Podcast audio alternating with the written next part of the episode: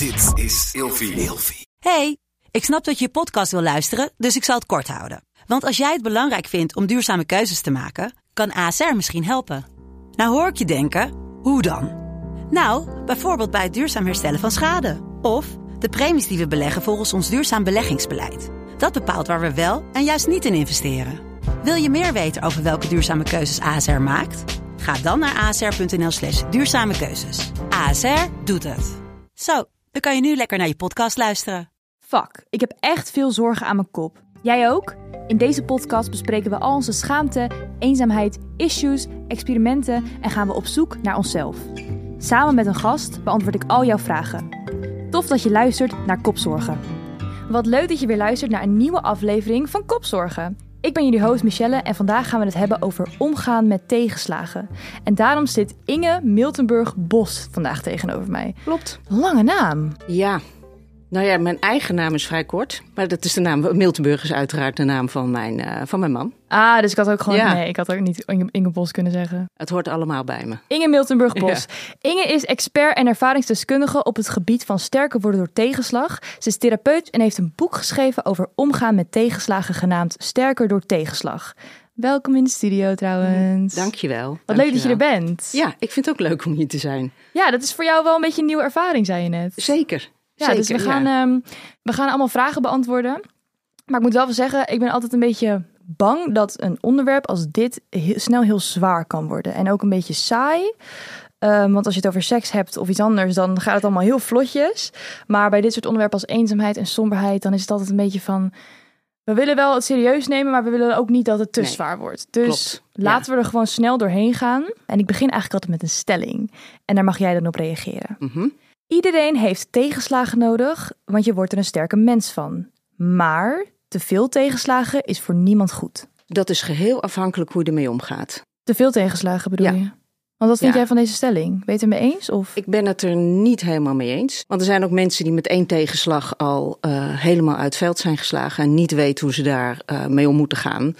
En bijvoorbeeld wel depressief kunnen worden. Maar er staat hier dat iedereen heeft er wel eens eentje nodig. Maar als je keer op keer, dan is het gewoon niet meer goed. Dan is professionele hulp wel aan te raden, ja. Ja? Ja. Want kan je mij vertellen waarom dit thema jouw expertise is? Waarom heb jij je hierin verdiept? Dat komt vanuit eigen ervaring. Omdat ik zelf een hele nare ervaring heb gehad. eh, bijna negen jaar geleden inmiddels alweer. En ehm, toen mij dat overkwam, toen dacht ik, ja, maar dit is even leuk. Hoe kom ik hier nou weer uit? Want dit is helemaal niet mijn keuze. Eh, maar ik ben net bezig een praktijk op te bouwen. En hoe, hoe, hoe ga ik hier nou mee om? Want wat is er gebeurd? augustus 2013 is mijn broer uit het leven gestapt. En dat was een gezonde man. Ehm, zat in een vechtscheiding en wist niet waar hij het zoeken moet, moest. En dit was zijn, eh, dit was zijn oplossing. Nou, dat ben ik nog steeds niet met hem eens. Maar ehm, ja, dit is wat hij gedaan heeft. En dat is voor de omgeving is dat heel heftig geweest. Heel heftig, ja. Want hoe Ja. oud was je broer toen op dat Twee- moment? hij was 52. Oh ja. Ja. En zag je het aankomen? Nee. Je zag het niet aankomen? Nee, nee, nee, want dan had ik er, dan was ik bovenop hem gaan zitten, had ik hem nooit meer losgelaten. Maar Tuurlijk, maar gewoon dat je da- dacht van oké, het gaat wel echt snel achteruit. En natuurlijk zie je Nee. dat niet aankomen, maar dat je denkt van eh, het gaat niet helemaal lekker hier. Kijk, we hadden natuurlijk wel in de gaten dat hij het heel slecht had met die scheiding. En dat er veel gedoe was.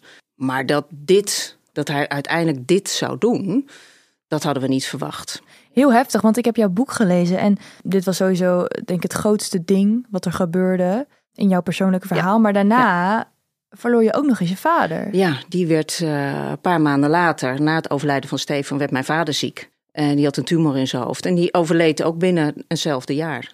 Heel heftig en daar stond Ja. je dan ineens. Ja, dat bij elkaar is ook, denk ik, dat je, je bent de ene tegenslag, of in dit geval Ja. aan het verwerken, of de, iets moeilijks. En dan klap, komt er nog iets achteraan. Kan je me meenemen naar dat moment dat je echt dacht van, oké, dit wordt wel echt heel lastig. Hoe kom ik hier nog uit? Nou, dat, zijn, dat zijn meerdere momenten geweest. Dat je denkt van nou, dit, weet je, het kan niet gekker worden. En dan gebeurt er weer iets. Voor mij was het heel belangrijk om te gaan schrijven. Dat deed ik daarvoor nooit. Maar ik ben gaan schrijven. Ik ben mijn hele proces eigenlijk gaan volgen. Wat, wat gebeurt er nou eigenlijk met me? Wat is dit nou? En door echt de rauwe pijn van me af te schrijven, die, dat, daar kan je ook stukjes van in het, uh, in het boek lezen.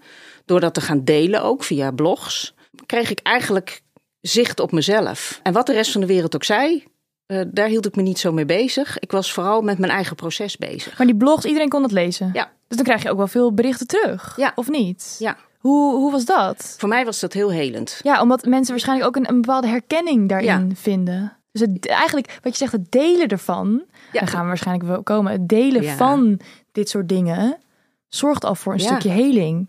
Erover praten is ontzettend belangrijk. Eh, en schrijven is ook een vorm van delen. Ze- eh, ja, dat werkt voor veel mensen goed. Was je voordat dat gebeurde met je broer ook al bezig met het verwerken van trauma en tegenslagen? Of is dat toen daarna echt Dat is pas? echt erna gekomen. Ja, want Ja. was- wat deed je daarvoor? Het werkte ik ook als therapeut met mensen die eh, overbelast zijn. Ja, en dan eh, maak je dat mee. En ho- hoe ga je er dan mee om? Want je bent nog steeds dus therapeut. Dus Ja. je, zou, je hebt eigenlijk een soort van, bent ook een soort van expert op het gebied. Maar dan ineens gebeurt het in je eigen leven. Dat is toch wel heel erg anders. Ja, maar het is, weet je, het is ook gewoon mijn werk. Een beetje gek gezegd misschien, maar ik vond het ook wel prettig om af en toe naar de ellende van een ander te luisteren. Op dat moment of daarvoor? Daarna, na het overlijden van mijn broer, dat ik even mijn eigen verdriet even kon parkeren en dat ik even mijn werk gewoon kon doen. Dat ik weer naar de ellende van een ander kon. Dat, dat hielp mij ook. Dus was het dan makkelijk om die knop om te zetten?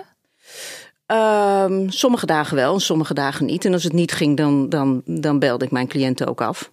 Dus het was wel echt jouw persoonlijke verhaal... wat een aanleiding was om je hier echt in te verdiepen. Ja, klopt. Als je nu terug kon kijken op die situatie waar je toen in zat... zou je jezelf dan een advies geven met wat je nu weet? Na zijn overlijden bedoel je? Ja, na die twee, dat je, je, je broer en je vader en je zat... Want volgens het boek, ik heb het boek gelezen, je zat echt in de put en je had heel veel verdriet. Ja.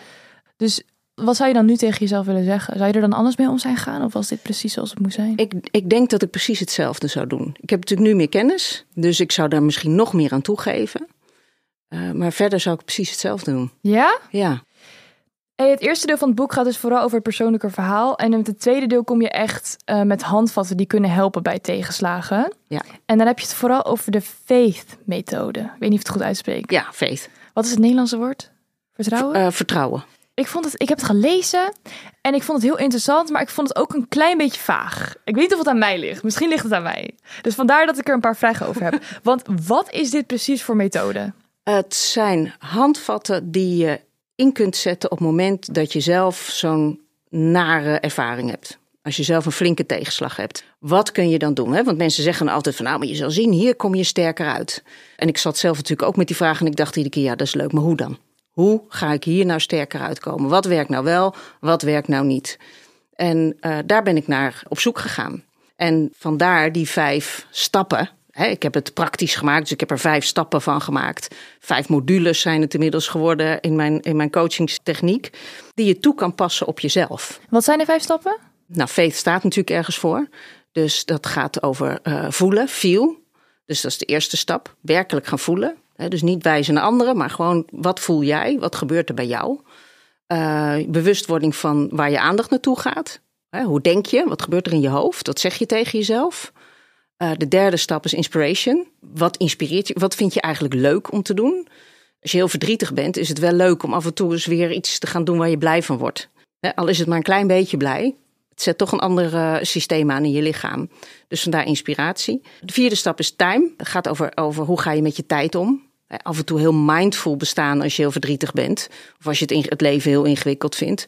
Is heel waardevol. Dan ga je minder zorgen maken. Dan ben je niet bezig met wat er geweest is of wat nog komen gaat. Maar gewoon alleen maar bezig zijn met dat wat er nu is. Ja. Ik ben wel benieuwd, want het is natuurlijk heel erg eh, inderdaad module. Maar jij begeeft je in die positie dat je het gewoon echt heel zwaar hebt. Hoe kom je daar dan achter? Is het gewoon een soort van gewoon er- trial and error, zeg maar? Ook en heel veel lezen. Ik ben heel veel gaan lezen, ik ben heel veel gaan onderzoeken. Ik ben met andere mensen praten. Hoe heb jij dit nou gedaan? Hoe voelt het voor jou? Eh, wat werkte er voor jou? Dat is wat ik ben gaan doen. Dus stel ik eh, ervaar een tegenslag. Ja, dat kan echt van alles zijn. Wat is een tegenslag? Het kan echt dat er iemand overlijdt in je nabije omgeving totdat je afgewezen wordt voor de droombaan of zo. Precies. Ehm, dus laten we het luchtig doen. Ja. Stel, ik word afgewezen voor mijn droombaan. Ja. Laten we door die, door die module heen lopen. Ja. Hoe, wat moet ik dan als eerste doen? Ik, eh, laten we even schetsen. Ik ben helemaal van de rel. Ik dacht dat ik het zou worden. Ik werd het niet. Eh, dit is al de derde keer dat ik ben afgewezen. En ik voel me zo ontzettend shit. Ik denk echt van, wat kan ik nog wel? Ik kan helemaal niks. En ik ga apathisch op bed liggen. Oké. Het eerste wat ik aan jou zou vragen is: beschrijf eens wat je voelt. Wat gebeurt er van binnen bij jou? Ja, en als je dat idee zo van ik, ik kan eigenlijk niet zoveel, maar als je echt gewoon puur in dat gevoel van afwijzing gaat zitten. Ja, Als je, weet je, da- dat is het eerste wat ik vraag aan mensen. Pak dat gevoel eens vast. Weet je, haal de ogen uit je kop, jank, schreeuw, doe wat. En vaak wil je het wegduwen, hè, ja, dat Ja, gevoel. maar daar gaat het meestal niet van weg. nee. Ga, ga het aan. Ga dat gevoel aan. Dus eh, laat dat, dat wat je tegen jezelf zegt, laat dat eventjes, eh, parkeer dat even. Dat is dan de volgende module. Eh, maar ga, ga in dat gevoel zitten. Want op het moment dat je bewust wordt van dat wat je voelt, als je het echt voelt, als je echt gewoon die, die tranen laat komen, dan zal je merken dat het weg hebt. Dus gewoon even huilen eigenlijk. Gewoon lekker huilen. En daarna komen de gedachten. Ja, wat zeg je eigenlijk tegen jezelf? Want als jij tegen jezelf zegt, ja, ik kan het niet, Ja, dan gaat het ook niet beter worden. dan gaat het zeker niet beter worden. Maar het is wel een logische vervolggedachte op wat er gebeurt. Ja, maar als jij bij een andere club die droombaan wel wil hebben, dan heb je er meer aan om tegen jezelf te zeggen: Oké, nou ja, wat, wat is er misgegaan? Wat had ik anders kunnen doen? Want ik kan het wel. Ja, maar hoe kom jij dan op dat punt dat je denkt, ah, mijn vuurtje gaat weer branden, als je het gevoel hebt dat het helemaal uitgedoofd is? Ehm, te gaan kijken naar wat, er, naar wat er goed gaat. En als dat niet lukt, ja, dan wat, dat vuurtje is, is gedoofd. Dat je, dus er ligt iets bovenop. Ik ben heel verdrietig. Dan ga ik weer terug naar die eerste stap. Dan ga ik weer huilen. Of schrijven of schreeuwen of wat dan ook. Ik ga in ieder geval dat gevoel aan. Dan ruim je jezelf als het ware op. Die, die rottigheid moet er wel uit. Dus je blijft eigenlijk in een soort van cirkel gaan totdat je eruit breekt. Ja, Want wat is het, dan dus heb je gedachten en daarna komt inspiration, toch? Ja. Dus eigenlijk kijken we naar wat je wel leuk vindt. wat vind je leuk? Waar heb je zin in? Waar word je blij van? Ga dat doen. Weet je, als je weet van jezelf van, nou ja, ik, ik vond het altijd heel leuk om eh, te gaan tennissen, ik noem maar wat. Pak dat racket weer op, ga eens tegen zo'n balletje slaan. Ga het gewoon doen. Ga dingen doen, Ja. inderdaad. Kom wel in actie. Maar dat kan soms best wel als een grote stap voelen. Ik had een podcast opgenomen over somberheid. En eigenlijk zei de psycholoog die toen tegenover me zat van... ja, maar je moet iets doen en dat leidt weer tot een vervolgstap. Dus wat kan je als eerste doen? Nou, je pet opmaken. En wat kan je daarna doen? Nou, je tanden poetsen. En dan ga je misschien douchen. En dan ga je wat eten. En stap voor stap werk je jezelf eigenlijk je huis uit. Want ik kan me ook voorstellen toen jij in die rouwperiode zat... dat jij, nou ja, bijna niet je bed uitkwam. Ik weet niet hoor, dat is ook een aanname die ik doe. Eh, ja, nee, want dat, dat had ik niet. Weet je, ik heb ook een gezin. Dus, eh, Oh ja, oké, nee, tuurlijk. Ja, nee, maar al heb je huisdieren of vrienden of een studie. eh, het is juist belangrijk dat je inderdaad dat je er wel uitgaat. Dat je, kijk, ik was heel verdrietig. Ik was niet somber. Dat is iets anders. Natuurlijk, weet je, ik miste hem heel erg. En ik vond het heel stom dat hij het had gedaan. En ik keek naar mijn vader en moeder. Nou, die waren helemaal. Ja, dat waren echt al bejaarde mensen. Dus dat was voor hun ook heel heftig. Ja. Weet je, dus dat zijn allemaal nare dingen om te zien. Maar er zat in mij nog wel zoiets van: ja, maar heel even, dit is mijn leven. ja, Dit is mijn tijd. En ik wil er nog wel iets van maken. maar dat vind ik ook wel interessant dat je zegt van wat nu voor jou als een tegenslag voelde, want je, daar ga ik nu vanuit omdat je boek Ja. ook zo heet, kan voor een ander echt een trauma zijn. Ja. Wat, hoe weet je nou of, het, of je een hele harde tegenslag voelt of dat het echt een trauma is? Nou, ik kan dit ook wel rustig als trauma benoemen hoor. Ja, Ja, dit is, dit is wel heel. Weet je, als je. ehm, maar als je boek heet niet traumaverwerking. Nee, omdat het, de meeste mensen denken bij trauma echt aan een oorlogsverleden.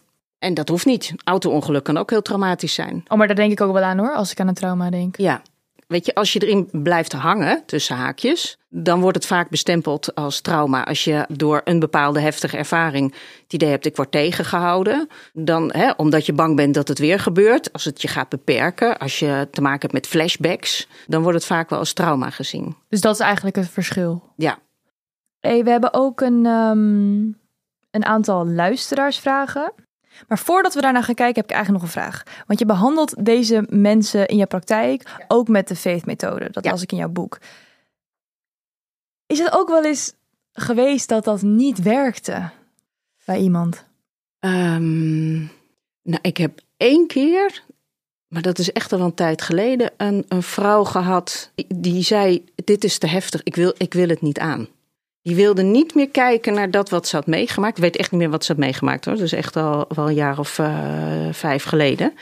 Ze, ze verwachten eigenlijk dat ik het wel zou oplossen voor haar. Oh, dat denken mensen heel vaak die in therapie Ja, en gaan, dat, dat gaat hem niet worden natuurlijk.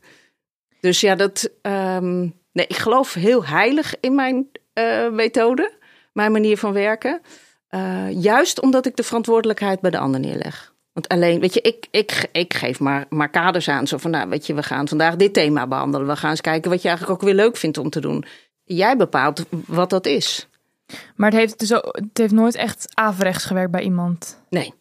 Het is wel, nou, dan ja. is wel nee, goede een vraag. Ja, goeie dat is een goede methode. Ja. je weet het niet, want het hoeft niet voor iedereen Ja. te werken. En het kan iemand ook, ik kan me voorstellen, als je echt moet voelen, dat je ook wel in een sleur Ja. soort van met jezelf eh, terecht kan komen. Dat vinden sommige mensen ook heel lastig. Ja, want eh, goede begeleiding is daarin echt wel heel erg belangrijk. Ja. Hoe weet je nou of je iets als dus eh, een trauma, en in dit geval laten we zeggen, bij jou iemand in je nabije omgeving pleegde zelfmoord, Mhm. dat je dat ook echt hebt verwerkt? Daar ben ik wel benieuwd naar. Hoe, hoe voelt dat dan? Het overlijden van iemand, de- dat, eh, in mijn geval zelfmoord, ja, dat, dat, dat kan je haast niet verwerken. Je verweeft het in je leven. Toen iemand mij dat vertelde, vond ik dat ook een veel fijner idee dan te zeggen: ik moet het verwerken. Want weet je, er zijn altijd momenten dat ik mijn broer mis. En dat ik, weet je, ik had hem nu vandaag ook wel willen bellen. Zo van, nou, ik ga zoiets leuks doen. Ik ben vlakbij, jij komt uit, eh, uit eh, Den Haag. Ik kom, eh, ik kom straks even op de koffie, weet je. Dus het blijft altijd onderdeel van mijn leven. En dat is prima. Maar ik, het, ehm, laat ik het zo zeggen, het belemmert mij niet meer. Dus eigenlijk wat je zegt is het gevoel is er wel, maar het is kleiner. Het overvalt me niet meer zo. Het overspoelt me ook niet meer zo. Ja. Maar eigenlijk gaat het nooit eigenlijk. helemaal weg. Nee. Ja. Ik vind het wel lastig om te accepteren dat het nooit weggaat. Ik vind dat wel vervelend of zo. Want je wil eigenlijk gewoon het liefst als je een trauma meemaakt, dat het gewoon op een gegeven moment klaar is. Ja. Maar dan gaan we eigenlijk nu een hele andere kant op. Want we hebben het over tegenslagen Ja. en nu gaat het helemaal over trauma.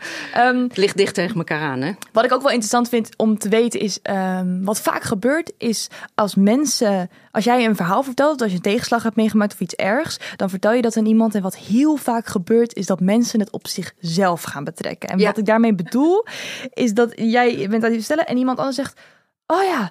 Dat heb ik ook meegemaakt. Want mijn tante. En dat je dan denkt, hè, maar dit ging toch even over mij. En dat je dan zoiets hebt van, oh, maar ik wil nu er iets van zeggen Ja. hoe doe ik dat zonder dat ik overkom als een of andere lul dat ik het alleen maar over mezelf wil hebben? Dus ik ben wel heel erg benieuwd hoe je daar tegenaan kijkt en hoe je dat moet doen, hoe je dat moet aangeven. Maar dat gaan we in de tweede aflevering doen. En die komt de volgende keer online. Dus bedankt voor het luisteren en tot de volgende. Ja, als je zelf veel trauma en tegenslagen hebt meegemaakt, dan kan je er ook beter mee omgaan bij anderen, want dan vind je het allemaal niet zo zwaar of gek meer. Ga op zoek naar wie je werkelijk bent. Ja, nou, weet jij al wie je werkelijk bent? Ik heb het een keer meegemaakt. Ik was met een vriendinnetje. Is overigens geen vriendin meer van me trouwens.